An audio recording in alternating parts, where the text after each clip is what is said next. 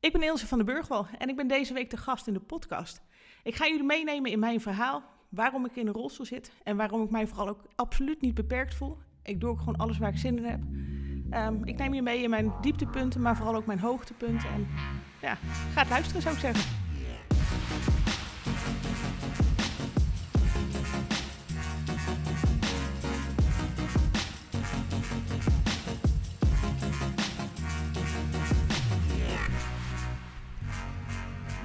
Nou, we zitten hier dus met Ilse. En ik ken Ilse al een tijdje. Ik denk een jaartje of anderhalf misschien al. Ja, zoiets. Ja.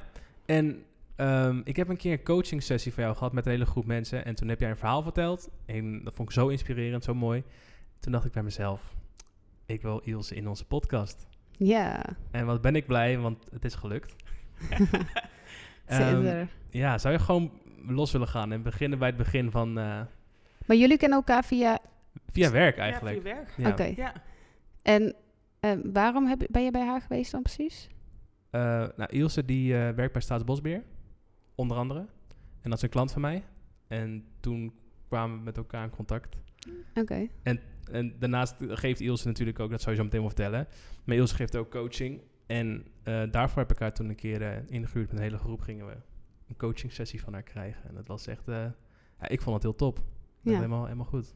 Oké. Het was een beetje een combinatie van een stukje spreken, een stukje verhaal vertellen en oefeningen doen. Ja, Oké. ja. dus brand los. Ilse, Nice. vertel over jezelf. Vertel aan de mensen wie jij bent. Oh jee, wie ik ben. Jeetje, waar ga ik beginnen? Ehm, ik denk dat mijn verhaal eigenlijk begon toen ik 11 was. Ik was nog vrij jong en ik heb eigenlijk altijd gewoon normaal leven gehad en geleefd. En ik was 11 en het was 1 januari, het was koud, het had gevroren, dus ik ging lekker schaatsen met een vriendinnetje. Dus ik had de schaatsen op mijn nek. Was op de fiets naar een vriendinnetje toe en eh, nou, vlak voordat ik daar aankwam, kwam een jongen met speelgoedtrekker. Die kwam naar me toe en die reed tegen me aan, ben ik onderuit gegaan.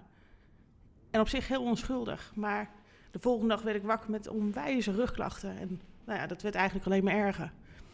En uiteindelijk is het zo erg geworden dat ik drie weken op bed lag, kon ik één week naar school. Ik had heel veel uitvalsverschijnselen in mijn benen. Maar ik woonde in een klein dorpje. En in een klein dorpje, zeker toen de tijd, was het zo, ja, als de huisarts A zegt, dan is het A. En iets Ja. anders kan niet. Nee. En de huisarts die dacht eerst dat het de groei was. Nou ja, weet je, dat was nog enigszins verklaarbaar op je Ja. elfde. Maar ja, vervolgens bleef dat langer aanhouden. En eh, nou ja, werd het gegooid op dat het tussen mijn oren zat. En ja, daar moest ik het eigenlijk maar mee doen. En dat is natuurlijk best lastig. Eh, was ook lastig voor mijn ouders. Van hoe ga je daar dan mee om? Accepteer je dat? En hoe ga je verder? Ja. Ehm, maar ja, hij heeft veel consequenties gehad. Waar iedereen eh, op een gegeven moment op de middelbare school leuke dingen ging doen. Maar Ja, je lag dus echt veel op bed? Ja. Ja, voor mij was dan de keuze inderdaad. ehm, ga ik een week naar school of ga ik in het weekend ga ik wat leuks met vriendinnen doen? En Ja. kan ik dan vervolgens een week niet naar school, zeg maar. Dus ik heb heel erg moeten afwegen van ja, wat doe ik wel, wat doe ik niet. En ik was uiteindelijk 15 toen er een andere huisarts kwam. En vervolgens ehm, ben ik doorverwezen naar het ziekenhuis. En toen bleek dat mijn onderste tussenweefselschijf kapot was. En dat mijn botten in mijn onderrug op elkaar zaten met zenuwen ertussen bekneld. En Hmm. ja, dat het toch echt wel een serieus probleem was. Ja, en op zo'n moment ben je En hoe, eigenlijk... en hoe lang heb je daar dus mee gelopen? Vier, Voordat ik het wist, jaar. vier jaar. Vier Ja. jaar. Ja, Shit. ja. Dus eigenlijk iets wat meteen ha- gezien had kunnen worden. ja het had Ja. in ieder geval niet zo ver hoeven komen. En eh, weet je, dat weet je nooit. Maar in ieder geval, dan had er wat adequater gehandeld kunnen worden. Maar kan je je nog wel zodanig dat ongeluk herinneren dat je echt dacht van wow, ik ben echt zo, ik ben- je bent zo jong, dus dan Ja, ik weet nog wel dat ik gevallen was. Maar ehm, je bent niet meteen zo gevallen van dat je dacht van nee, je- het was vrij onschuldig. Weet je. Ja. Het, eh, je- ik ben gewoon op, op de verkeerde plek terechtgekomen, denk ik. Ja. Weet je zo. Ja. En ehm, dat maakt het ook heel lastig, hè? Want de volgende dag heb je pas pijn. En ja, omdat het niet heel extreem was. Ja. Niet het- zoals je een arm breekt dat je meteen Nee, nee. nee. Dus dat maakt het ook voor de huisarts in dat geval heel erg lastig. En Ja. ja, het heeft in dit geval natuurlijk wel heel erg lang geduurd. Maar ja, uiteindelijk ja, weet je, ben je gewoon heel erg blij dat je ja, iets mankeert, om het maar zo te zeggen. Ja. Ja. Ja, dat klinkt, eh, ja, dat klinkt heel raar, maar ik was ja, maar wel- ook als je dan inderdaad al jarenlang, ook je ouders en iedereen, heel, als je dan ook wordt gezegd van het zit tussen je oren, Ja. dan dat lijkt me echt zo zwaar. Ja, Ja. Dan echt, maar je begint het ook zelf te denken, toch? Op een gegeven moment. Of tenminste, je denkt wel van ja, ligt het dadelijk echt aan mij? Of nee, dat heb ik dan weer niet gehad. nee? Nee, nee, ik heb altijd wel echt Ehm, ik heb altijd wel echt gedacht van, er is echt wel iets aan de hand. Want ik was altijd heel fanatiek in sport bijvoorbeeld. En ehm, nou ja, weet je, ik kon niet meer sporten. Nou, en ik wist zeker dat, nou, ik kon me niet voorstellen dat iets zo tussen mijn oren zat... dat ik gewoon dingen die ik leuk vond niet meer kon doen, zeg maar. Ja. Dus ik heb altijd wel geweten dat er wat was. Alleen, ja, de vraag is wanneer eh, komt er iemand die je serieus neemt? Ja. Die naar je luistert. Ja. Ja. Maar dus dan was je elf toen het ongeluk gebeurde. Ja. En vier jaar lang heb je ermee gelopen. Ja. Toen was je 15. Ja. En toen kon je ineens weer alles doen. Nou, zo, nee, Of zo, zo- of zo ging, hoe er ging dat? zitten lang verhalen vast, maar ik zal hem kort houden. Nee, vertel. Ehm, nou ja, uiteindelijk kwam ik in het ziekenhuis. En eh, ik heb uiteindelijk ook nog... Ik, dat kan ik me dus niet meer herinneren. Volgens mij, ik heb een aantal weken of misschien wel maanden in een gipscorset gezeten. Met mijn, eh, mijn buik en mijn rug en een gedeelte van mijn been. Om aan te tonen dat het ook echt daadwerkelijk dat probleem was. Nou, dat werd bevestigd daarmee. Maar die arts die durfde geen operatie aan. Dus die had zoiets van, ja, weet je, met een beetje fitness... eh, het enige wat je kunt doen is het sterk houden. En ja, that's it. En daar moet je maar mee leren leven. Ja, dat is natuurlijk best makkelijk, hè. Op dat moment was ik 16 en je kunt bijna niks. Je hebt veel uitvalsverschijnselen in je benen en eh, ja, je moet maar mee leren leven. Dus toen zijn we uiteindelijk via de rugvereniging bij een andere arts terechtgekomen in Sittard. En toen kwamen we eraan. Dus die man had een MRI weer gemaakt. Uiteindelijk heb ik een kijkoperatie gehad. En toen bleek dat eh, mijn onderrug zo slecht was... dat het eigenlijk als het niet binnen een maand vastgezet zou worden... dat ik een dwarslesie zou hebben. Oeh, dus- shit. Dit is eigenlijk een soort van tweede fout van een dokter. Dus weer een dokter die Nou. niet heeft opgelopen letten. Nou, nee, dat denk ik niet. Want die arts die was wel heel bekwaam. Alleen, weet je, ze, zei, ze hadden geen ervaring met iemand die Mm. zo jong was Zo. met deze klachten. Ja. En hoe ga je daar dan mee om? Want het is natuurlijk best een risico. Ja. En, Ze eh, willen niet zomaar niet opereren. Nee, helemaal niet. Dus, dat, eh, dus ik snap dat vanuit het oogpunt van de arts, snapte ik dat ook. En deze arts die had wel zoiets van, ja, weet je, eh, dit is voor jou geen leven. Dus we gaan kijken naar de mogelijkheden die er zijn. En toevallig was deze arts ook bezig met een nieuwe techniek... die ehm, ja, qua operatie iets milder was, zeg maar. Dus nou ja, Mhm. weet je, dat maakt het voor hem ook wel makkelijk om die operatie eh, toe te passen. Dus ik ben uiteindelijk twee keer in München ook geopereerd. En daar hebben ze mijn onderrug vastgezet met eh botsplinters uit mijn heup, een koolstofring eromheen. Ja, en ja, eigenlijk ja, na die operatie, zeg maar, ondanks de zenuwschade, ehm, ja, was ik genezen verklaard, zeg maar. Ja. ja, alleen, ja, weet je, dan heb je jarenlang natuurlijk in een cirkeltje geleefd. Je hebt, ehm, ja, ik kon niet naar school natuurlijk, moest keuzes daarin maken, wat ik wel en niet deed. En ja, hoe ga je dan verder, zeg maar? In één keer ben je genezen verklaard, ondanks dat je nog pijn hebt en zo. En ja, en dan? Ja, dat was gewoon heel erg moeilijk. Dus toen ben ik gaan ja, met die nieuwe huisarts over, wezen overleggen. En toen kwamen we uit op een revalidatietraject. En in eerste instantie kwam ik in een revalidatiecentrum wat gebaseerd was op rust. Nou ja, ik had al zoveel rust gehad dat dat niet zo heel goed... eh, dat was geen goede combi, om Daar het had, maar jij, zo te daar had geen zin in. nee, ik dacht, weet je, eindelijk kan ik weer wat gaan doen. Kom Ja. op, jongens. Ja. Dus nou ja, daar was ik eigenlijk heel snel weg. En toen ben ik uiteindelijk in uh, Doorn in een militair centrum terechtgekomen. Ja, en uh, ik was op dat moment een van de weinige burgers daar. Ja, weet je, en er zijn militairen, dus weet je, als je acht uur therapie hebt, dan ben je helemaal acht uur, anders ga je naar huis, zeg maar. Oh, ja. Ja, ik was inmiddels 17, dus ik had het misschien ook wel een beetje Ja. nodig. dus, uh, maar daar heb ik echt wel weer geleerd. Um, ja, en om naar jezelf te kijken, maar ook om te kijken van wat zijn dan de mogelijkheden en ja, hoe ga je je leven weer een beetje opbouwen en hoe doe je dat dan en welke mensen heb je daarvoor nodig? En, ja. Dus ik heb daar acht maanden intern gezeten. En intern is dan dat je daar door de week uh, slaapt en in het weekend naar huis mag. En daarna heb ik nog acht maanden in dagbehandeling gezeten. Ja, en toen kwam ik daaruit en toen... Uh, kon, je, kon je nog wel, zeg maar, als je het weekend naar huis ging, uh, kon je dan nog wel leuke dingen doen? Of was je echt kapot ook van het Nee, kon, nou, in het begin was ik gewoon kapot, omdat het gewoon... Uh, en fysiek veel kostte, want je moest alles opbouwen. Maar ook mentaal kost het veel. Ik ja. heb wel echt uh, wel, tegen een paar muurtjes aangelopen voor mezelf. Zo, ja. ja. En dan, ja, weet je, op een gegeven moment heb je... Maar je, er was wel verbetering op dat moment. Ja. Als in, je kon ook weer ja. uh, langer staan ja. en uh, minder rust nodig. Okay. En dan is je grenzen verkennen. Hoe ver ga je en wanneer ga je over je grens heen? En nou, ik ging er iets te vaak overheen. Dus dat was echt heel erg zoeken van... Um, ja, met die leeftijd erbij is het helemaal onhandig. Ja, ja. Ja. Je wil graag leuke dingen doen. En dan oh, word je toch weer terug, teruggefloten door je lichaam. En ja. dat is best wel een moeilijke periode geweest. Maar ook wel weer een hele waardevolle periode. Ik kijk er wel mooi op terug uh, naar het revalidatietraject. Je leert er wel veel van Ja. natuurlijk, ja. Ja, absoluut. Dus Ja. hoe- oud was je? Dus toen was je nog 15 of je inmiddels Nee, nee, 16? nee, nee. Ik was 16 toen 17? ik geopereerd was, 17 toen ik ging revalideren. En Ja. ik was 18 toen ik daaruit kwam. Mhm. Of tenminste, ik heb daarna is- eerst acht maanden intern en toen acht maanden in dagbehandeling ja. gezeten. Dus echt wel een hele lange periode geweest. Ja, Ja, toen was ik 18 toen ik daar... uitkwam. Ja, toen kon ik alles weer. Toen kon je alles ja. weer. Ja, dat was echt super vet. En toen? En toen? Ja, dat is echt heel raar. Ik, het was echt exact een half jaar nadat ik ontslagen was in het revalidatiecentrum. was op een zondagavond. Ik zat bij mijn moeder aan de keukentafel en eh, de rest lag allemaal op bed of was wat anders aan het doen. En toen vroeg mijn moeder van, goh Ilse, hoe gaat het nou eigenlijk met je? Ja, ja eigenlijk hartstikke goed gehad. Een hartstikke leuke stage. ehm, nou ja, mijn school ging goed. Ging met vrienden stappen, dus ik kon eigenlijk alle leuke dingen weer doen. Ik kon sport weer een beetje oppakken. Ik had net een maand ook verkering, dus ik was heel blij. Ja, dat was op zondagavond. En maandagochtend ging ik naar mijn stage toe. En ehm, ja, wat ik nog weet is dat ik het hek dicht deed. En eh, je had zeg maar, we woonden wat buitenaf. Dus vanaf het hek naar de straat toe was een metertje of twintig, denk ik. Mhm. En ehm, nou, ik deed het hek dicht en het volgende moment, eh, ja, dat is heel raar, zag ik onze kippen. En onze kippen zaten zeg maar 20 meter van af de straat, zeg maar. Dus ik ben gewoon hartstikke aangereden door een auto.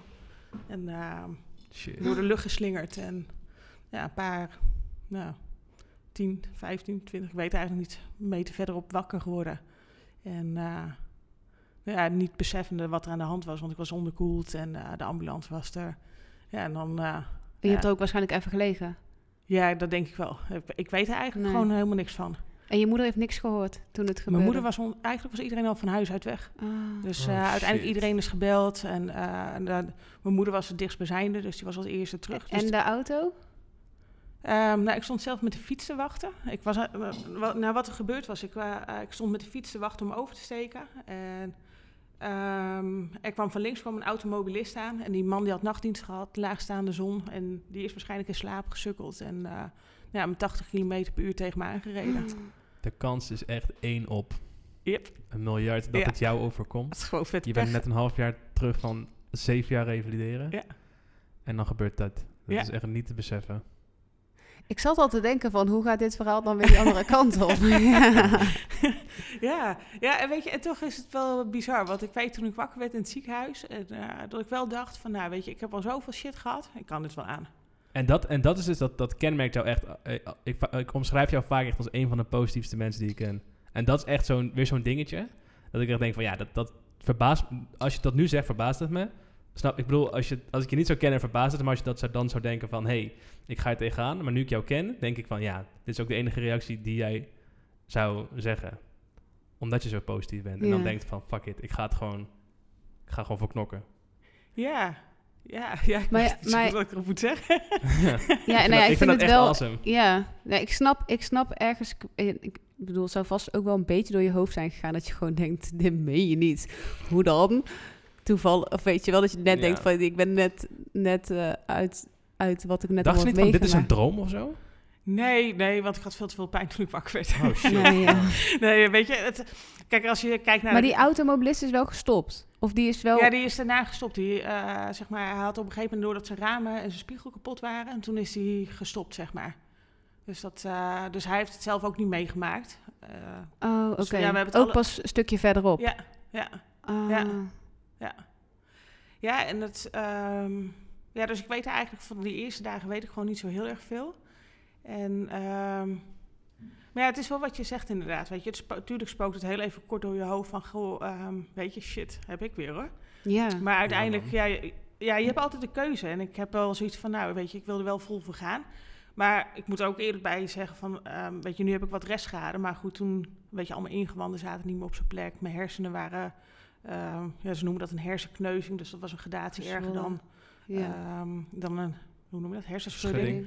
Ja. en zo, weet je, allemaal buikwonden, rugwonden, weet je, ik lag gewoon echt aan alle kanten open. Ja, en dan, weet je, in eerste instantie dacht ik, oké, weet je, ik ga herstellen. En ehm, ja, de artsen zeiden ook, je hebt een jaar tot anderhalf jaar de tijd om te gaan kijken van, wat is dan je restschade, zeg maar. ja, pas daarna kan je zien... Ja, wat er, Wat wat er- wat er, overblijft. Ja. En toen Mhm. dacht ik nog heel optimistisch, nou, ik ga gewoon helemaal herstellen. Weet je, over een jaar kan ik gewoon langzaam weer eh bewijzen van gaan hardlopen. En, eh, ja, en weet je, met dat in het vooruitzicht heb je natuurlijk een doel. Dus dan, ehm, ja, dan heb je ja, die stip op de horizon waar je naartoe wil werken. Dus dan is het ook gewoon heel goed vol te houden. En dan merk je op een gegeven moment, nadat, ja, die, op een gegeven moment komt die datum gewoon steeds dichterbij. En dan denk je, shit, weet je, het gaat toch Ja. niet zo worden als ik, Mm. als ik Had bedacht bedacht. had. En dat, En zakt het bij jou dan de moed in de schoenen of, of dat niet? nou, ik heb wel mijn momenten gehad. Weet je, het is, eh, eh, ik ben altijd wel heel positief. Maar op zo'n moment heb ik wel echt gedacht van, jeetje, Mina, ehm, waarom, ja, nou ja, soms denk je wel eens, waarom is mij dat overkomen? Maar ik heb vooral ook ehm, echt onwijs veel pijn in mijn rug en in mijn benen. En dat, dat zit er gewoon dag en nacht, zeg maar. En ehm, er zit bijvoorbeeld heel veel eh, zenuwen die beschadigd zijn in mijn, zo, Mhm. ja, in mijn huid. ja. En ehm, ja, om je een voorbeeld te geven, onder de douche, zeg maar, het water wat er overheen loopt. Dat, dat is net alsof er alleen maar continu naalden aan het prikken zijn. Oh, ja. Dus weet je, dat is echt wel waar je aan moet wennen, zeg maar. Ehm, en op een gegeven moment ben je gewend aan alle vaste handelingen, zeg maar, die er zijn. Maar als ik bijvoorbeeld een keer onverwachts in de kroeg zit en iemand stoot per ongeluk tegen mijn been aan, ja, dat doet zo immens pijn, omdat je daar niet op voorbereid bent. Precies. Ja. Ja, en dat, dat is wel zeg maar, ehm, dat heeft wel lang geduurd hoor, voordat ik dat stukje kon accepteren. En dat ik dacht van, nou weet je, daar heb ik vrede mee. Dat, ja. Shit. ja, en ik heb ook Zo momenten bizar ge- verhaal dit, hè? ja, en ik heb ook momenten gehad, gehad dat ik dacht van, nou weet je, hak mijn benen er maar af, dat is veel makkelijker. Weet je, dan ben ik van de pijn, Pijn af. af. Ja, Ja. ja. Ja. En dat, ik moet zeggen, dat heb ik echt de dat laatste... is mentaal zo zwaar, lijkt me. Omdat gewoon, Ja. ja, dat, dat, dat- mensen staan echt zo niet bij stil. Dat, dat, dat idee heb ik dan altijd. Ik zou dan, denk ik, op zo'n moment vooral heel erg hebben... dat het, het is bijna hetzelfde als migraine of zo, weet je wel. Dat zie je helemaal niet aan iemand. Maar ondertussen kan je wel gewoon helemaal super slecht gaan, bij wijze van. Ja, ja, ja. Dus dan, ja, dan is het gewoon heel irritant. Je hebt liever dat het zichtbaar is dan dat mensen echt kunnen zien van... kijk, ik, ik heb super veel pijn. Ja. Eh, mijn arm ligt open Ja. en het bloed of zo. Ja. Dat. Ja, weet je, soms is het makkelijk om je benen in het gips te hebben, want dan is het zichtbaar inderdaad. Precies, Ja. dat. Ja. Ja. Wat is dan nu zeg maar de status? Want je, je zit ja, duidelijk dus in een rolstoel. Ja. Ehm, kan, jij, kan je niet meer lopen? Kan jij eh, stukjes lopen? Kan je... Ben je meteen in de rolstoel beland? Ja, natuurlijk meteen direct nadat je aangereden was wel, maar Ja. is dat altijd zo? Ehm, ja. En ehm, ik wilde gewoon absoluut lopen. Dat was gewoon echt mijn doel, zeg maar. En daar Ja. heb ik ook gewoon. Ik geloof ook dat als je iets wil, zeg maar, dat je dat ook gewoon kan bereiken. Ehm, ik geloof namelijk dat je mindset gewoon heel veel doet. Ja. Dus ik heb daar heel erg hard voor gevochten. En uiteindelijk, ik kan kleine stukjes met krukken lopen. Zonder krukken, ik heb geen evenwicht in mijn benen, dus zonder krukken val ik om.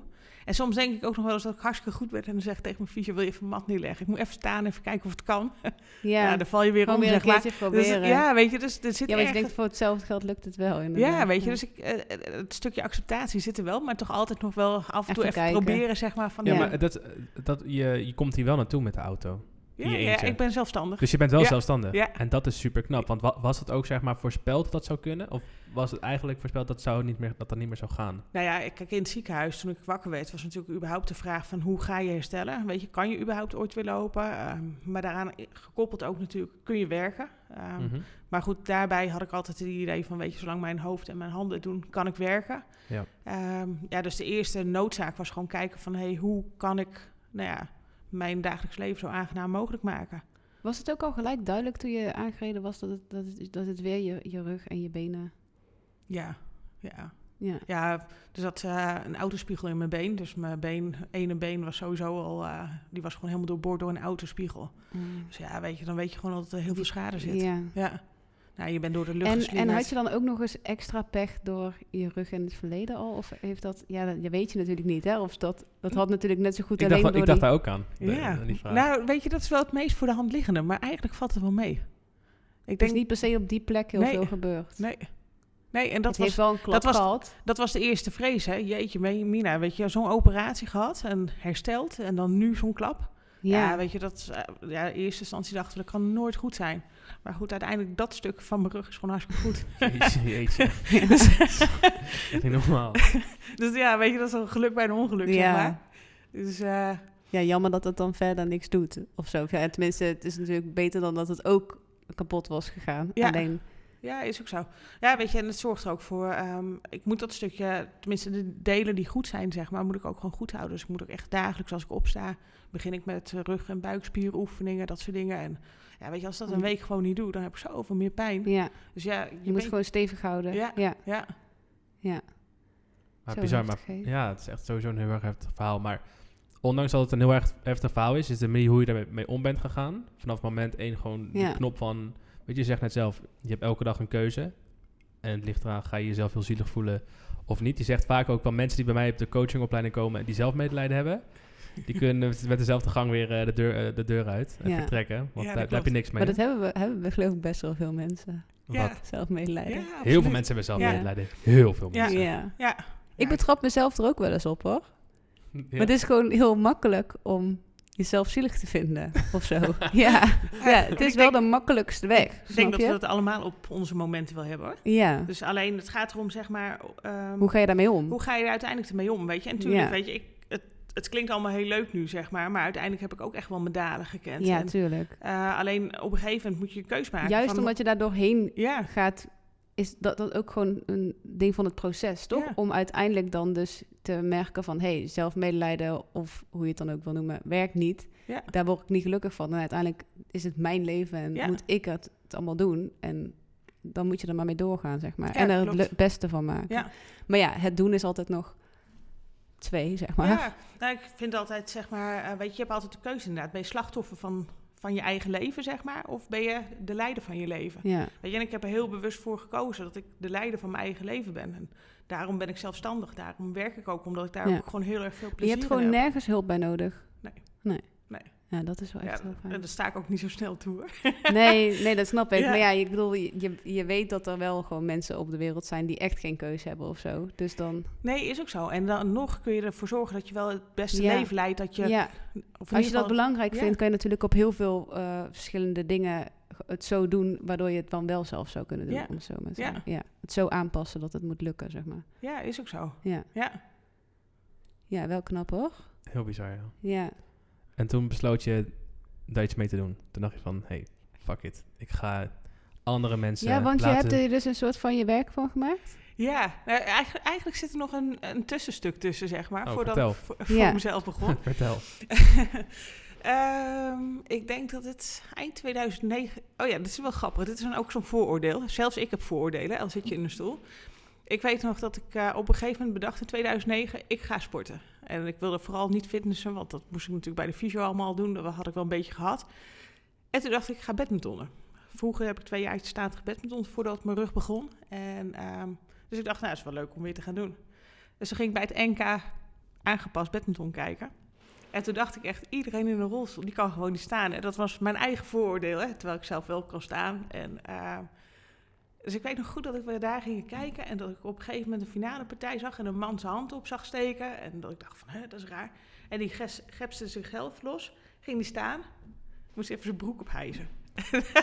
Toen moest ik Oh. zelf zo hard lachen dat ik dacht, oh, Ja, want je betrapt op dat moment jezelf dus op een, op een vooroordeel van... hé, die man kan niet lopen en die staat opeens op. ja, terwijl ik zelf ook in de stoel zat, ja. weet je zo.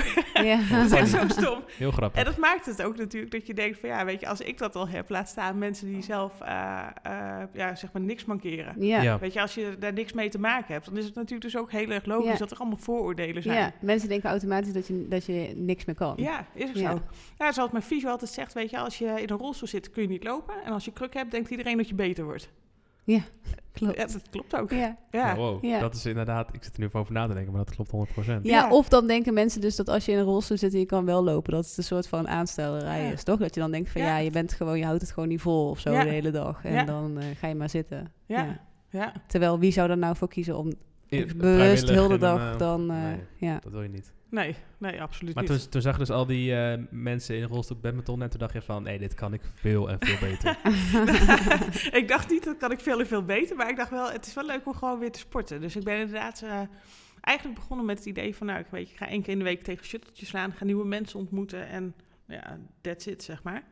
Maar goed, dat werd al heel snel een uit de hand gelopen hobby. Ehm, Maar het is ook wel leuk om, om mensen te leren kennen met dezelfde handicap, toch? Ja. Of te- is- ja, het Ja, klinkt een cliché. Ik bedoel niet dat dat per se te maken heeft, maar ik denk wel dat het fijn is om dat je elkaar kan herkennen in sommige dingen en dat je niet meer Precies. hoeft uit te leggen of nou, het, is, het is vooral het niet uitleggen. Weet je, je Ja. bent met elkaar, je weet allemaal van elkaar, je hebt een beperking. Maar we hebben het er nooit over. Maar je weet wel, als er hulp nodig is, weet je, kan je bij deze mensen aan de bel trekken. ja, Ja. Weet je zo. een stuk makkelijker. Ja. Ja. Ja, en dus altijd begrip. Ja. Ja. Mm. Ja, dat lijkt me ook wel inderdaad heel fijn dan. Ja. Maar goed, toen, toen ging jij trainen tegen een shuttletje slaan en toen dacht je van... hé, hey, ik raak die shuttles wel heel erg goed. Ja, toen dacht ik, ik eh, kan dit wel. En toen dacht ik, eh, op een gegeven moment werd ik gevraagd eh, met een groepje om mee te gaan naar een toernooi in Frankrijk. Ah, toen dacht ik, doe eens gek, weet je, we gaan gewoon lekker naar Frankrijk en Ja. een beetje lol maken. Ja. En, nou ja, met die insteek ben ik daar ook heen gegaan. En niet wetende dat ik gewoon eerste zou worden in de single daar. En nou ja, dus met een, met een prijs naar huis zou gaan. Jeetje. En ja, dat was wel heel bijzonder. En nou, toen is het wel gaan kriebelen. Dat ik dacht van, oh, weet je, als ik dit kan, dan zit er ook wel meer in. Ja. Dus toen ben ik uiteindelijk eh, in de selectie opgenomen. En ben ik nog meer gaan trainen. ehm, bijna dagelijks eigenlijk. Dus heb ik in eerste instantie een EK gespeeld. Daarin, ja, ja, je weet niet, je kent niet alle tegenstanders. Dus je weet niet wat je moet verwachten. Je bent nog niet zo heel lang bezig. En Ja. ja, weet je, ik weet wel, ik kan heel goed doorzetten. Weet je, ik heb wel de, de kenmerken van een topsporter. Alleen, ja, weet je, je hebt Ja, geen idee waar je staat. Nee. Dus toen, eh, ja, dat was wel heel bijzonder. was in Zwitserland. En eh, nou, uiteindelijk heb ik daar de finale gehaald. En eh, ja, dan ga je spelen en dan denk je, nou, het- ja, we gaan wel zien. Ja. En ook met die onbevangenheid, dat maakt het natuurlijk ook mooi. Want er ligt geen druk, weet je. Ja. Ik ga gewoon lekker shit Ja. slaan. En, Ja. eh, nou, toen kwam ik als Europees voordeel. kampioen thuis. Dus dat was wel heel tof. ja, Wauw. ja. En dat is één tegen één. ja, in dit Of is dat altijd één tegen één? Nee, het is ook, eh, je hebt de dubbel en de mix Ja. ook. Ehm, ik moet, eh, het is echt heel slecht. Ik moet gewoon even nadenken. Volgens mij ben ik toen in de dubbel hebben we ook goud gewonnen. Zeg maar, jij wint zoveel prijs op dit moment dat, dat, dat je het gewoon niet meer wat weet. dat Volgens mij won nog goud. Eh, Ja, nou ja, weet je, ik vind de single Nee, belangrijk, ook hè? single. Ja. ja. Ja. En uiteindelijk, ja, dan kom je thuis en dan, dan kriebelt het natuurlijk. En uiteindelijk eh, ehm, heb ik eind 2011 heb ik het WK gespeeld in Guatemala. Ja, het is natuurlijk al tof dat je überhaupt naar zo'n land toe kan. Ja. En eh, waar ligt dat eigenlijk? Zuid-Amerika. Oké, sorry. Ja, ik denk dat heel veel mensen zijn die dat ook niet weten hoor. Nee, dus, Nee, dat kan. dat kan. Oké. Ja, en ja, weet je, dat was natuurlijk zo tof dat je daarvoor geselecteerd wordt. En ehm, nou ja, wat, wat ik daarin, ehm, maar dat is eigenlijk een beetje ook de rode draad in mijn leven, zeg maar. Wat, wat ik belangrijk vind, is dat je wel altijd gewoon echt jezelf bent. En eh, vooral ook je eigen koers vaart. Dus vooral doet wat voor jou goed voelt. En ja, we hadden toen een bondscoach en zij vertelde dus van, nou, weet je, als je naar het WK gaat, dan moet je vormbehoud tonen, moet je krachttraining doen. En eh, nou ja, er kwam een heel riedeltje op. Dus ja, weet je, dan was de eerste vraag, oké, moet ik krachttraining doen? Wat, en wat dan, hè? Moet ik sterker worden in, in het slaan? Moet ik harder gaan slaan? Moet ik sneller bewegen? Weet je, dat soort dingen. Ja. Dus ik was altijd Ja. heel kritisch daarin. En uiteindelijk nou ja, kwam er wel een plan uitrollen, maar ik dacht van ja, weet je, het klopt niet helemaal. Het WK werd op 1200 meter hoogte gespeeld. Ja, toen dacht ik, volgens mij ga ik vooral last krijgen van die hoogte. Dus dat navraag gedaan. Nee hoor, dat gaat absoluut niet gebeuren. Oké, toen dacht ik, oké, dit is een mooi moment om te kijken van... Ja, ga ik me daar dan aan aanpassen en ehm, voor mijn gevoel risico lopen dat ik, nou ja, in ieder geval, weet je, ik wist niet of ik wereldkampioen kon worden, maar ik wilde er Ja. wel alles voor over hebben, zeg Ja. maar. Dus uiteindelijk ben ik bij een sportschool terechtgekomen eh, met een hoogtekamer.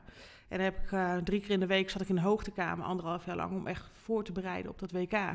En eh, ja, weet je, het mooie daarvan is, is toen we op het WK, of tenminste in Guatemala binnenkwamen, de eerste trainingsdag hadden, dat je echt Nederlands team met hoge hartslag zag, eh, zweten. Ja. Ja, weet je, en ik had nergens last van. Weet je, en dat is wel een bevestiging van dat het dus ook heel belangrijk is om je eigen koers te varen. Ja. Maar hoe, hoe train je trouwens in de hoogtekamer? Zit je dan op een soort van op een treadmill, op zo'n loopband met, je- met je rolstoel? Dan zo, wordt het, Ja, nou, dat kan zeg maar. Ja. En eh, het kan ook met een roeiapparaat bijvoorbeeld, hè, dat je benen vastgezet Ja. worden. Dus er zijn, er zijn verschillende opties voor, echt zeg maar. conditioneel liep jij daar te Maar trainen. Ja. wat, wat, wat doet een hoogtekamer dan precies? Ehm, die haalt de luchtdruk, eh, die haalt... eh, oh, naar beneden? ja. Ja, Ja, ja, ja. weet je, Heel het snel net buiten alsof je in de adem Minder loopt, zeg maar. zuurstof. Ja. Ja.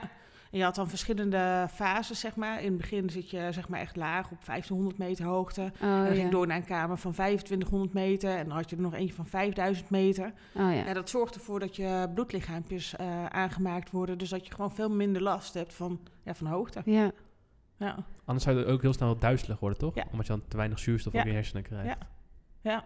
Wat Maar- stom dat ze dat in eerste instantie hebben afgeraden of zo. Of dat ze dan Ja, niet zeiden dat Of, dat... of te weinig kennis. Ik, ik weet eigenlijk niet zo goed wat het is. Nee. Maar, Maar ook wel weer funny dat jij lekker je eigen plan trekt en Ja. doet wat de fuck je wil. ja, En Ja. dus wel dan succes daarmee behaalt. ja, en dat, dat is wel mooi, zeg maar. Weet je, dat je gewoon ook echt terugziet van... ehm, hetgeen wat ik gedaan heb, is ook gewoon goed. En ehm, nou ja, dat was dus ook in Guatemala. Eh, ik deed mee aan de single, dubbel en mix. En, eh, Wat is mix? is eh, samen met een heer. De dubbel is zeg maar de damesdubbel. En de mix Ah. is dan dat je samen met een heer speelt. Ah.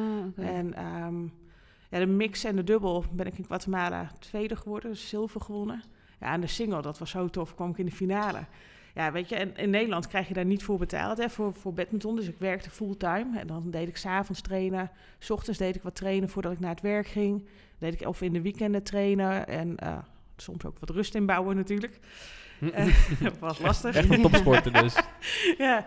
Maar ja, weet je, en dan kom je daaraan. En ja, uiteindelijk moest ik dus de finale spelen tegen iemand uit Zuid-Korea. En in Zuid-Korea, om je een beeld erbij te geven, hebben ze... Ja, daar worden ze zwaar voor betaald, toch? ja, in de hoofdstad hebben ze gewoon echt één groot centrum... wat echt gericht is op aangepast badminton. En daar zitten dus mensen fulltime...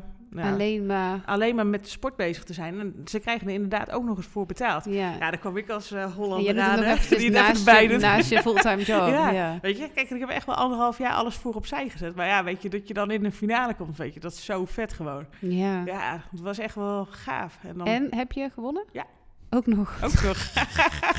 ja, het was echt... Vierkant ingemaakt natuurlijk. Hoeveel heb je gewonnen? Ehm, volgens mij was de eerste set 21-17 voor mij. Het gaat tot de 21. En de tweede set was... 21, ik denk ook 21, 17, 21, 16. Maar ik weet bijvoorbeeld echt nog heel goed dat ik in dat veld stond. En eh, dat ik, eh, was de tweede set. Het was, eh, ik stond 17, 12 voor. Mhm. En dan soms heb je zo'n moment hè, dat het gewoon... Ik stond daar en toen dacht ik, oh shit, ik ga nu echt wereldkampioen worden. En toen werd ik in één keer zo misselijk op die baan. Ja. dat ik Ja. echt dacht, ik ga overgeven. je gewoon. moet er even niet bij stil. Je Nee. moet eigenlijk dat even uitschakelen. Ja, dat is Ja. moeilijk. En even ja. kwam in de flits kwam alles voorbij. Weet je, alles wat je meegemaakt hebt. En toen dacht ik, oké. Ja, eh, want dit is natuurlijk wel het punt waar jij naartoe aan het werk was. Zo hele le- tenminste, hele, een hele lange tijd werkte je in dit moment toe. Ja, en, het je, was dan daar. ja, dat, ja, maar ik denk ook wel dat het met alles te maken Ja, heeft je- erbij. Want dan heb je alsnog iets behaald en je doet het allemaal toch nog, ondanks je dan in een rolstoel zit. En ja, ik denk dat dat wel ja, de hele combinatie ook gewoon. Ja. Weet je, badminton heeft er ook aan bijgedragen dat ik echt wel mijn beperking heb leren accepteren. Want ja, weet je, Ja. als een keertje tegen zit, weet je, dan ga je Ja, tegen maar je bent echt juist slaan. iets leuks mee gaan Ja. doen. Want zonder die beperking was je daar nooit geweest. Hoe Nee. stom het ook klinkt. Nee, dat klopt. Dat is ook zo, Ja. absoluut. Nee, dat was nooit Maar, maar wereldkampioen je mag wel meedoen met... eh, zou ik nu ook... Nee. Je moet echt... Nee, je wordt wel geclassificeerd. Ja. Maar, je, maar ik bedoel, je mag wel... eh, als je gewoon goed... Als ik nu gewoon elke dag ga trainen in een rolstoel... Of moet ik per se een beperking hebben? Ja, je moet een beperking hebben. Ja. Waarom? Goeie Ehm, vraag trouwens. Ja, heeft met gelijkwaardigheid te maken. Je hebt zeg maar als je bijvoorbeeld binnen... Ja, Ja, aan de ene kant snap ik het wel, maar dan... Snap je? ik snap wel wat je zegt. Als je kijkt bijvoorbeeld binnen... Je hebt sowieso met badminton, dat is bijvoorbeeld rolstoeltennis heeft één, één nou, eigenlijk twee klasses. Maar binnen het badminton heb je zes klasses.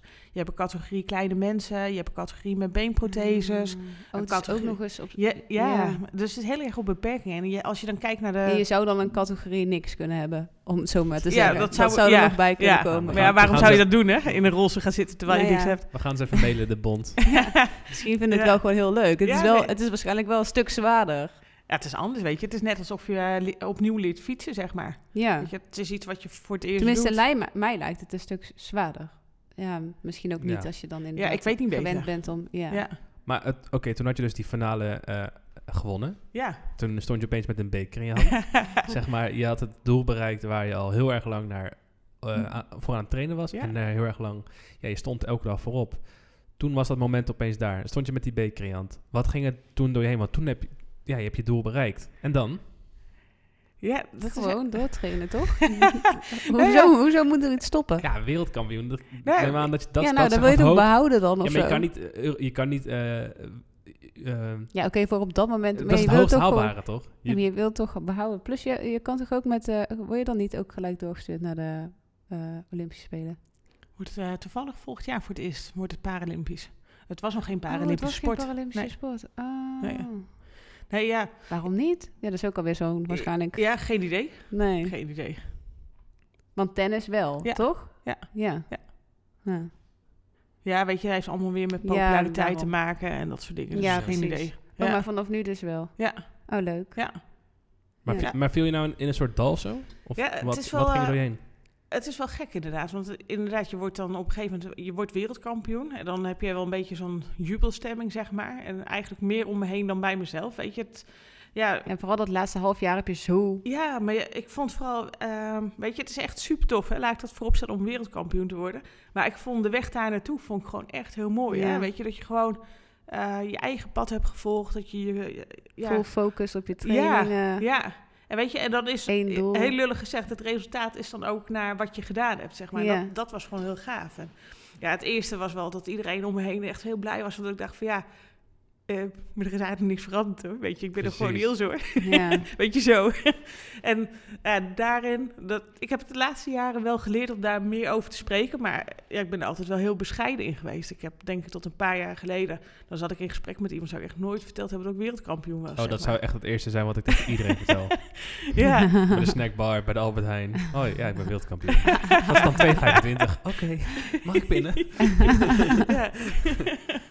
Nee, dat heb ik helemaal niet gehad in het begin. Maar goed, ja, weet je, en dan kom je terug. En dan inderdaad, in het begin heb je allemaal eh, feestjes waar je naartoe moet. En eh, nou, ik ben, ik woon in Woudenberg, ben ereburger van Woudenberg Oh, bijvoorbeeld. nee. Oh, ja. Nee, ik heb een erepenning van de Heb je de- badmintonbond. Oh, heb je de ja. koning mogen ontmoeten? Nee, Heeft de koning Misschien jou hij- mogen ontmoeten? nee, ook niet.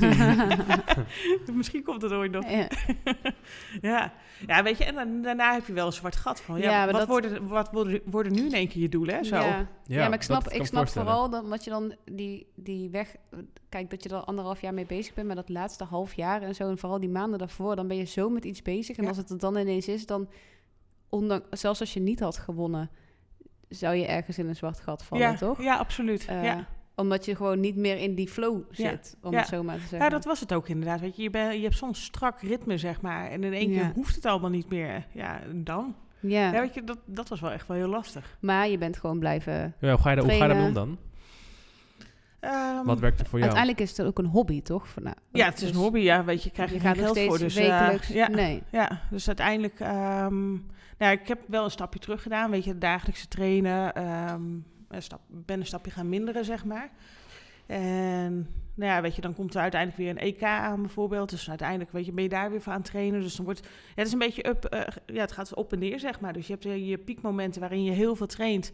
En dan heb je de eh, momenten dat je iets minder traint, omdat je even geen, nou ja, of tenminste dat het doel wat verder weg ligt, zeg maar. Ja. En dat, Hmm. dat scheelt, zeg maar. Ja. En dan heb je ook dus weer meer ruimte voor vrienden, eh, voor Ja. een keer een feestje, Kijk, dat en soort dat is op zich ook wel weer goed. Ja, dan, daarna kom maar dat je hoort ook weer... hoor. Oh ja, ik heb ook nog andere dingen te Ja. doen dan alleen maar trainen. Ja, maar dat is het ook. Want als je niet uitkijkt en je verzandt alleen maar in trainen en dan vergeet je de rest, nee, je zeg slaat maar. door, ja. Ja, Is het ook niet misschien een soort van levensles dat de, voor jou de, de, de finale van het wereldkampioenschap in die zin zeg maar de top van de berg was?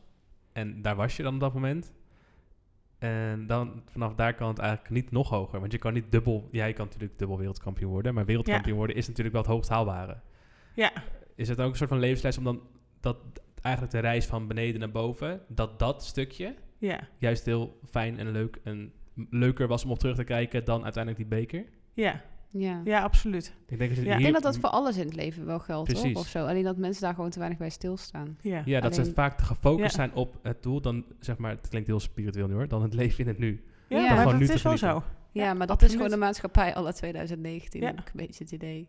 Ja, Helaas. ja. Dat betrapt iedereen zichzelf waarschijnlijk nog steeds wel. eh, Ik ook. ja. ja ik Ja. probeer daar wel echt op te letten. Dat gewoon dingen met meer waardeer die gewoon nu zijn. Ja. Ja. ja, maar dat is ook belangrijk.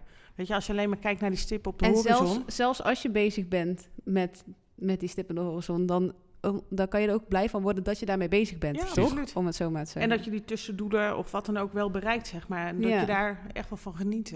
Ja. En ook als je, ze niet, als je het niet haalt. Want dat is ook vaak genoeg Dan heb je gewoon een goed verhaal. Ja. Ja. Eh, heb je mooie leermomenten Toch? gehad, hè? Ja, precies.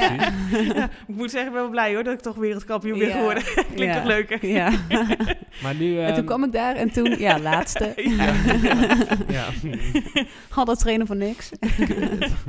maar Ja, maar nu, nu heb je dus je eigen, eh, je eigen bedrijf. Ja. In, eh, wat, wat ik net zoals zei- zei over coachen. Ja. Ehm, kan je daar wat meer over vertellen? Van, ehm, Wat voor coaching is het precies? Ja, je doet vier onderdelen, doe je, geloof ik, hè? Ja, ik zal, eh, ik, zal, ik zal even een korte introductie, want het is heel grappig. Hè? Ik kom oorspronkelijk uit de grafische industrie, dus ik had verder niks met coaching, zeg maar. En nu heb ik mijn eigen bedrijf en ben ik coach, zeg maar. het is, eh, bij mij staat nooit alles helemaal vast, zeg maar, hoe dingen verlopen. Want nou ja, uiteindelijk inderdaad, je bent wereldkampioen. En dan is de vraag, en dan? Nou, toen ben ik daarna nog Europees kampioen geworden. En toen dacht ik, ja, het is echt heel raar wat ik nu ga zeggen, maar ik vond alleen maar winnen vond ik ook niet leuk, zeg maar. Toen ben ik een stapje... Dat, is- dat zo, klinkt echt heel dat is zo erg. geen winnaarsmentaliteit hoor. Diva. ja, nou ja, weet je, het, eh, op een gegeven moment, ik merkte dat het steeds makkelijker werd, het winnen, zeg maar. En eh, ja, er zit toch een bepaalde gedrevenheid in. En ja, dat kon ik niet helemaal meer kwijt. En eh, dus had ik besloten eigenlijk om een klein stapje terug te doen. En te beginnen met training geven, om gewoon maar eens te kijken van... hé, hey, weet je, hoe vind ik dat om anderen uit te leggen hoe de sport werkt, zeg maar. Of in ieder geval mijn visie uit te leggen over de sport. En ehm, nou, dat heb ik gedaan met wat eh, valide spelers, met mensen uit het aangepast badmintoncircuit. En ja, ik vond het wel echt heel erg tof. En ik had vanuit de sport had ik zelf een mental coach. Ehm is eigenlijk ontstaan nadat ik wereldkampioen werd. Want waar ik echt een bloedhekel aan had, was, waren de mensen die zeiden van... ja, maar Ilse, je hebt talent, daarom heb je gewonnen. Dat ik echt dacht van, maar jullie zien helemaal Fuck niet... you. Ja, jullie zien helemaal niet wat ik allemaal ervoor gedaan heb, zeg maar. Weet je. Kijk, natuurlijk, ik had, ik had ook wel talent, maar ja, er Ja. komt veel meer bij kijken dan alleen mijn talent. En daar kon ik heel slecht mee omgaan. En zij heeft mij geholpen daarmee om te gaan, om weer een stukje focus te krijgen van ja, welke richting ga je op. Het is natuurlijk wel grappig dat al die eh, mensen die badminton spelen, daar bijna iedereen heeft al heel erg hard gevochten, om het zo maar te zeggen. Ja. En zijn, zijn al gewend om zeg maar over hun grens heen te gaan en heel veel te trainen en met hun lichaam bezig te zijn, Ja. fysio en Ja. dat soort dingen. Ja, is ook Dus zo. wat dat betreft heeft iedereen al een soort van streepje voor, maar dus ook allemaal niet. Nee, klopt. Dus met z'n allen, Ja. ja. Ja, is ook zo. En toen ben ik gaan training geven, ja, weet je. En dat vond ik eigenlijk ook gewoon echt onwijs leuk om te doen. En ja, ik wist helemaal niet vooraf of ik daar geschikt voor was. Dus dat was een beetje... ehm, Elke Ja. keer eh, komen er kinderen in onze podcast voorbij. Ja? dit, is de, dit is de Grappig. wekelijkse rubriek. Ja. Dat kinderen Daar zijn ze weer, Ja. jongens. Dit twee vijf minuutjes. Nou, shout-out aan jullie. Ja. Heel mooi. ja, uiteindelijk, ja, dat training geven was zo leuk. En toen zei mijn mental coach op een gegeven moment van... Goh, weet je, als ik ga een opleiding geven, vind je het niet leuk om aan te sluiten? Toen dacht ik, ja, weet je, de, de spelers die kan ik nu allemaal technisch, tactisch en fysiek wel wat bijbrengen. Maar ja, hoe tof is dat als ik ze ook, Ook mentaal, mentaal, wat ja. kan bijbrengen? Dus eigenlijk, nou ja, is zo het ontstaan. En halverwege de opleiding eh, werd ik in één keer gevraagd door een grote badmintonacademie of ik daar niet een eh, meerdaagse workshop wilde geven. En eh, ja, dus zat ik een week later bij de KVK en toen was ik ondernemer, zeg maar. dus zo is dat in één keer spontaan ontstaan. Ja, en, leuk. Ja, ik snap wel dat dat dan inderdaad interessant is om dat dan ook erbij te pakken. Ook omdat je zelf waarschijnlijk hebt gemerkt hoe belangrijk ja, absoluut. zo'n Ja. dat gedeelte ook nog is. Ja, weet je, dat stuk in de sport is belangrijk, maar ook als ik dan kijk naar het ongeluk, weet je, de dingen waar je tegenaan loopt. ehm, ja, weet je, dat hele stuk heeft natuurlijk echt wel heel veel met mij ook gedaan. En Ja. ja, weet je, als je dat. ehm, ja, ik, ja, weet je, je hebt zelf ontdekt van het, het leven eindigt niet als je wat obstakels hebt, zeg maar. En ja, weet je, als ik daar dan mensen mee kan helpen, dan is het gewoon echt heel waardevol. ja. En ehm, ja, dus ik ben ook echt heel erg gaan kijken van, goh, maar wat, ehm, wat vind ik dan leuk? Want je hebt natuurlijk heel veel varianten van coaching, eh, wat je kunt doen. ja. En uiteindelijk kwam ik eh, op een quote waarvan ik dacht van... oh, dat is echt wel precies, zeg maar, gewoon wie ik ben, zeg maar. Dat is be bold, be brave, be you. Weet je, dat is ook wel gewoon hoe ik mijn leven leid, zeg maar, weet je. Ik doe... Ik ga uit mijn comfortzone, en, maar ik ben wel altijd gewoon echt mezelf. En toen dacht ik wel van ja, als ik om me heen kijk, er zijn zoveel mensen die ehm, in hun eigen cirkeltje blijven zitten, die niet uit hun comfortzone gaan Ja. en ehm, ja, die ook niet zichzelf zijn. En toen dacht ik wel, weet je, dat is wel echt waar ik mensen bij wil helpen. Binnen de sport, maar ook binnen bedrijven, mensen met privévraagstukken. Maar dit is echt wel de rode draad in mijn coaching. Ja. Ja, dat is wel echt heel tof. Ja. ja, leuk. Ja, Maar je doet alleen maar mental coaching bij mensen met een beperking? nee, nee. Maar ja, dat is echt eh, ge- eigenlijk, eh, nee. dat is ook niet. weer uitgegroeid tot... Ja het, ja, het is ook weer zo'n uit de hand gelopen hobby eigenlijk. eh, weet je, wat begon inderdaad... Maar nu eentje waar je wel betaald voor krijgt. Nu eentje hè? waar ik wel voor betaald krijg, inderdaad.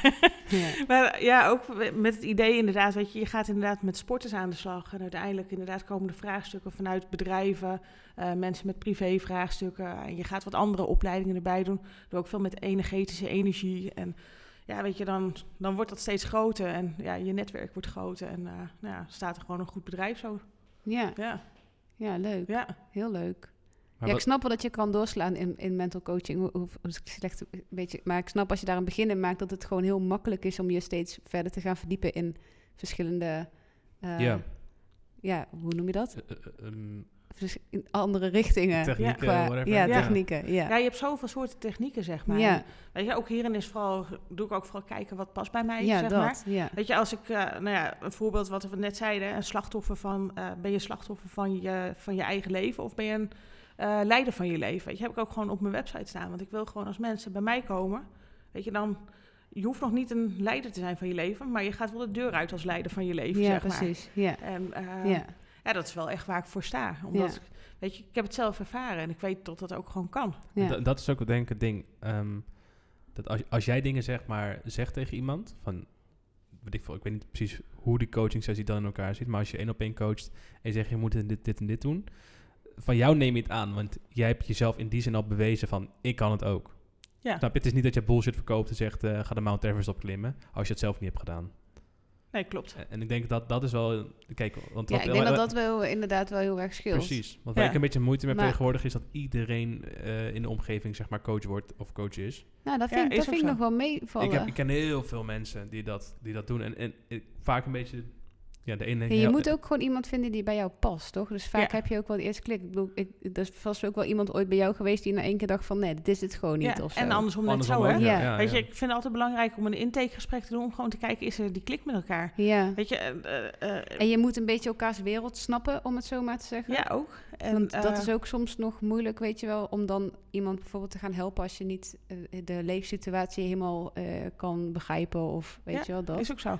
En verwachtingen uitspreken, weet je. Sommige mensen die komen bij je en die willen een uur een praatsessie. Ja, eh, ik ben niet van het type van een uur lang praten, zeg maar. Weet je, je komt bij mij. Oké, weet je, daar wil je naartoe. Dan gaan we met oefeningen. Natuurlijk zit er wel eens een stukje praten bij, maar je bent vooral aan het doen, zeg maar. Want- Oh ja? ja, dat zeker. vond ik zo tof aan die oefening die wij toen kregen met, die, eh, met al die gasten. Is, het klinkt heel stom, want we, dat- als ik het nu vertel, klinkt het heel stom. Want je hebt dus een oefening gedaan. Ja, ja, we hadden een oefening gedaan met een, eh, een stuk of 15, 20 mensen. Allemaal ondernemers. En het zijn eigenlijk allemaal gewoon mensen die gewoon ja, prima hun geld verdienen. Maar nooit even echt eh, stilstaan en aan zichzelf werken. Die ja, maar die snap- heb je bij van die bedrijven natuurlijk heel veel. Precies, Ja. ja. En we moesten dus een oefening doen van waar sta je nu, waar wil je naartoe? En dan moesten we een soort van stappen gaan neerleggen, geloof ik, met A4'tjes. Ja, klopt. En we moesten letterlijk gaan opschrijven wat de volgende stap is, wat je dan gaat doen. Wat je dan ziet, hoe je je voelt. En eh, je moest letterlijk gaan springen naar die andere stap. En eh, het- dat klinkt dan heel stom, maar als je het doet, denk je bij jezelf echt van... hé, hey, ik ben echt bezig om naar die andere stap te gaan. En aan het denken en aan het doen. En dan, dan krijg je op een gegeven moment ook andere ideeën, nieuwe inzichten. En ja, dat vond ik heel grappig. Ik had op een gegeven moment niet van verwacht dat, dat ik dat zo erg dan zou voelen. Ik dacht een beetje, een beetje zweverig.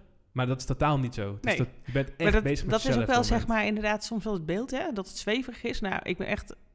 Ik heb helemaal niks met zweverigheid, zeg Nee, maar maar. sowieso zijn Oniek en ik door de alle podcasts er nu al heel erg erachter gekomen dat er heel snel een, een kaartje aan ja. zweverig hangt. Terwijl Ja. in, de, in, de, in de basis vindt geloof ik uiteindelijk niemand het echt zweverig als je het gewoon even uitlegt. Of Nee, zo. maar dat is het ook. Je? En Ja. toch, weet je, ik geloof zeker als wij een uur hadden gepraat hierover, was je nooit zo ver gekomen. Maar door het te doen, door het te voelen, kun je die stap Ja. Precies, je maken. kan, je kan duizend zelfhulpboeken lezen, je Ja. kan duizend dingen doen, maar je ja, moet maar het gewoon zijn gewoon shit van die doen. dingen Ja. die je dan ineens opschrijft waar je, waar je zelf in je eentje nooit mee over Precies. nadenkt. Nee, dus op het moment dat iemand het dan ineens aan je vraagt en dan moet je er dus over nadenken. En dan kan je het dus ook inderdaad die- als een beeld voor je zien. En dan Precies. even, dat is Maar net ja, iets dat, dat anders. is bijvoorbeeld één voorbeeld, maar het zijn, dat zijn ook mensen met, ehm, met andere... Ik heb een keer eh, iemand die bij jou een coaching sessie heeft gehad ook. Dat deed iets met stippen mee, heb ik gehoord. en, eh, en, eh, en die persoon heeft daar heel veel aan gehad. En die, die, voelt, die voelt zich op een bepaalde manier ook. Ehm, ja, dus ik denk dat je voor iedereen wel een soort van custom-made oplossing hebt van... ja. Wat past bij die persoon om het probleem ja, maar ik denk dus ook dat er wel mensen zijn die juist wel heel graag een uur praten. Ik weet niet Ja, of ja. dat per se Ja, zoveel dat klopt, maar die, heeft. maar, maar dan die kunnen dus beter niet- op zoek gaan naar iemand Ja. waar dat bij past. Precies. Weet je, zo simpel is dat. Ja, Weet je, ehm, ik geloof nooit dat, je, dat, dat ik met iedereen een match heb. En dat, Nee, kan, dat kan ook gewoon niet. Dus Nee, weet je, als iemand op zoek moet is naar een praatsessie... Nee, kan ook niet hoor. nee. Dus als iemand op zoek is naar een praatsessie, weet je, ehm, ga naar een ander toe, Ja. zeg maar. Weet je, Ja. en wil je echt dingen doen, dan ben je bij mij. Maar je doet dus ook in groepsverband. Ja. Als in dus echt bij, bij bedrijven. Ja. eh, Ja, het is eigenlijk... eh, maar vinden mensen dat heel niet moeilijk? Omdat je dus juist zeg maar open en bloot iedereen Ja, ik denk, wel, ineens ik, laat ik- zien. ik denk wel dat je een soort van... Ik zat toevallig in een groepje met twee andere jongens die ik heel goed ken. Ook ondernemers. En die vertrouw ik gewoon 100%, die jongens. Dus ja, ik kan ja, er maar wel ik denk echt... wel als je dan inderdaad in je een- dat je dan Als de kantoorsfeer niet goed is, precies. Als de Ja, kantoorsfeer een beetje rot is en je gaat met iemand die je niet zo vertrouwt, ja, dat, dan ga je gewoon een beetje oppervlakkig Precies, een beetje bullshit, aanpakken. Dus dat is wel eh, wat belangrijk dus is, is in het begin een stukje veiligheid creëren. Waardoor mensen wel openstaan om dingen te vertellen. Ja. En wat ik wel zelf merk is op het moment dat ik al mijn verhaal doe, Weet je, dan wordt er al een bepaalde sfeer. ont- Precies, jij Ja. geeft jezelf al heel erg open. Ja, weet Ja. je, en dat creëert iets, zeg maar. En daardoor staan mensen ook open naar elkaar. En daardoor komen er Ja, mooie dingen uit. En natuurlijk het feit dat iedereen dan normaal gesproken heel erg in de werksfeer is. Dus Ja. op het moment dat er dan echt zo tijd wordt genomen om stil te staan en dan eventjes met z'n allen te bedenken Het van... hé, hey, precies. we zijn ook nog gewoon mensen, Mensen. ik heb ook iets Ja. meegemaakt en ik zit Ja. daarmee. Dan is daar Oh, ineens echt, die... dat is zo bizar, want je hebt ook heel vaak op school, weet je wel, met, ja, dat, dat was zo'n programma vroeger, dat heet eh, Over de Lijn, heet dat geloof ik. Ja, ja. Dan wordt het ineens, Het is omdat het dan het precies. moment daar is. Terwijl het hoeft niet eens zo extreem te zijn Nee, dat je per se moet Maar- laten zien hoe erg het is. Maar Nee. gewoon überhaupt dat er Gewoon eventjes tijd zien, wordt genomen precies. van...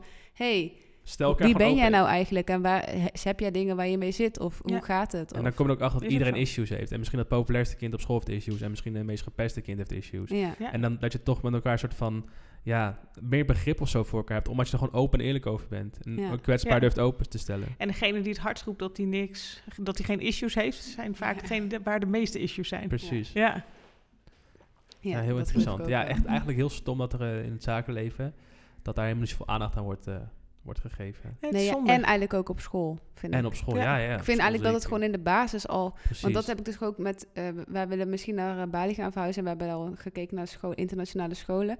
En daar heb je dus echt al scholen waar bijvoorbeeld... eh, al op de basisschool, zeg maar, meditatie wordt cool. gegeven. Ja, En is alleen maar gewoon goed. heel veel dingen waarvan ik dan denk van... ja, waarom, Ja, waarom doen we dat in Nederland Ja. allemaal niet? Weet je wel? Dat ze heel erg bezig zijn met het milieu. En gewoon, gewoon van die simpele dingen waarvan ik denk van... ja, dat is toch, dat is toch de basis? Maar wij lopen hier in Nederland er ook wel mee achter. Achter, Ja, ja. absoluut. Ja. Ja. Ja. Ondanks ik wel het idee heb dat de mens zich uit- hier in Nederland eh, zelf heel erg ontwikkelt. Maar helaas wel op iets latere leeftijd. Maar dat vind ik dat dat al veel eerder zou is kunnen. wel- En dan praat ook niemand meer over zweverig. Nee, Heb ik het dat idee. is het ook. Precies. Ja. Ja. Weet je, als je op het moment dat je het kent en je weet wat het is, zeg maar, dan eh, ja, je krijgt het een heel andere lading. Ja, precies. Nu, ja, Nu wordt het elke keer zo moeilijk. Ja. Iedereen verontschuldigt zich ook Ja. altijd van... ja, ik ben helemaal niet zweverig hoor, Ja. maar... Ja, eh, ik moet wel zeggen, ik heb wel bepaalde vrienden waarbij ik dan dingen niet kan zeggen die ik dan doe. Ehm, waarvan- Omdat ze het dan te zweverig vinden. Precies, waarvan ik ja, bijvoorbeeld oh nee, weet ik moet Ja? wel echt zeggen, dat, ik- bij mij weet iedereen het wel gewoon. Nee, ik ben er wel ik wat het rustig in of zo. zweverig ben. Ik Huh? denk dat jong, jongens is toch sowieso Ja, wat dat meer, snap, dat eh, snap Ja. ik wel. Maar En- als meisje kan je wel makkelijker naar een jongen toe met zweverige dingen. Ja, Ja. precies. Ja. Maar probeer je dan wel het gesprek aan te gaan? Of is dat iets wat je dan Nee, al ik Nee, überhaupt Ik niet. weet Ja. daar voorhand al van, dit Ja. gaat niet werken. Oké. Weet je, dan Maar dat is ook prima, toch? Als Ja, je met sure. anderen daar Ja. wel... eh, Ja, ja, ja. Ja, je moet er een balans in hebben. Ja. Ja, precies. Je hoeft niet met, ieder, met andere mensen kan je gewoon een ander soort band hebben dan, toch? En Ja. eh, too bad for them, sorry. Ja, ja, het wel. They're missing out, gewoon. Ja. Ja. Nee, ik ben ook niet echt zo'n, in, in die zin zo'n persoon die dan andere mensen gaat opdringen om het ook te doen of zo. Nee. Ik ben niet zo van, dit is Oh, wat nee, voor mij werkt niet. heel goed. Dus, Ja. weet je. Maar ik denk Ik heb lief dat ze naar mij toe komen van, hey, ik zit hiermee, dat ik dat dan Ja, maar ik denk ook dat dat niet goed is als je het gaat opdringen. Nee, Nee. ik geloof Weet daar je, niet in. Als je iets aan jezelf wil veranderen of ergens tegenaan loopt, dan Nee, moet dat vanuit jezelf komen. Ja. Ja. Ja. en dat punt moet je gewoon op een gegeven moment Ja. En die komt vanzelf. Ja, precies. Maar dit, dit is dus wat je nu fulltime doet. Ja. Klopt. En daarnaast nog eh badminton als hobby Ja, ook nog. Eh, daarbij. en en het, sinds, eh, poeh, wat is het, drie, vier jaar ook rolstoeltennis erbij.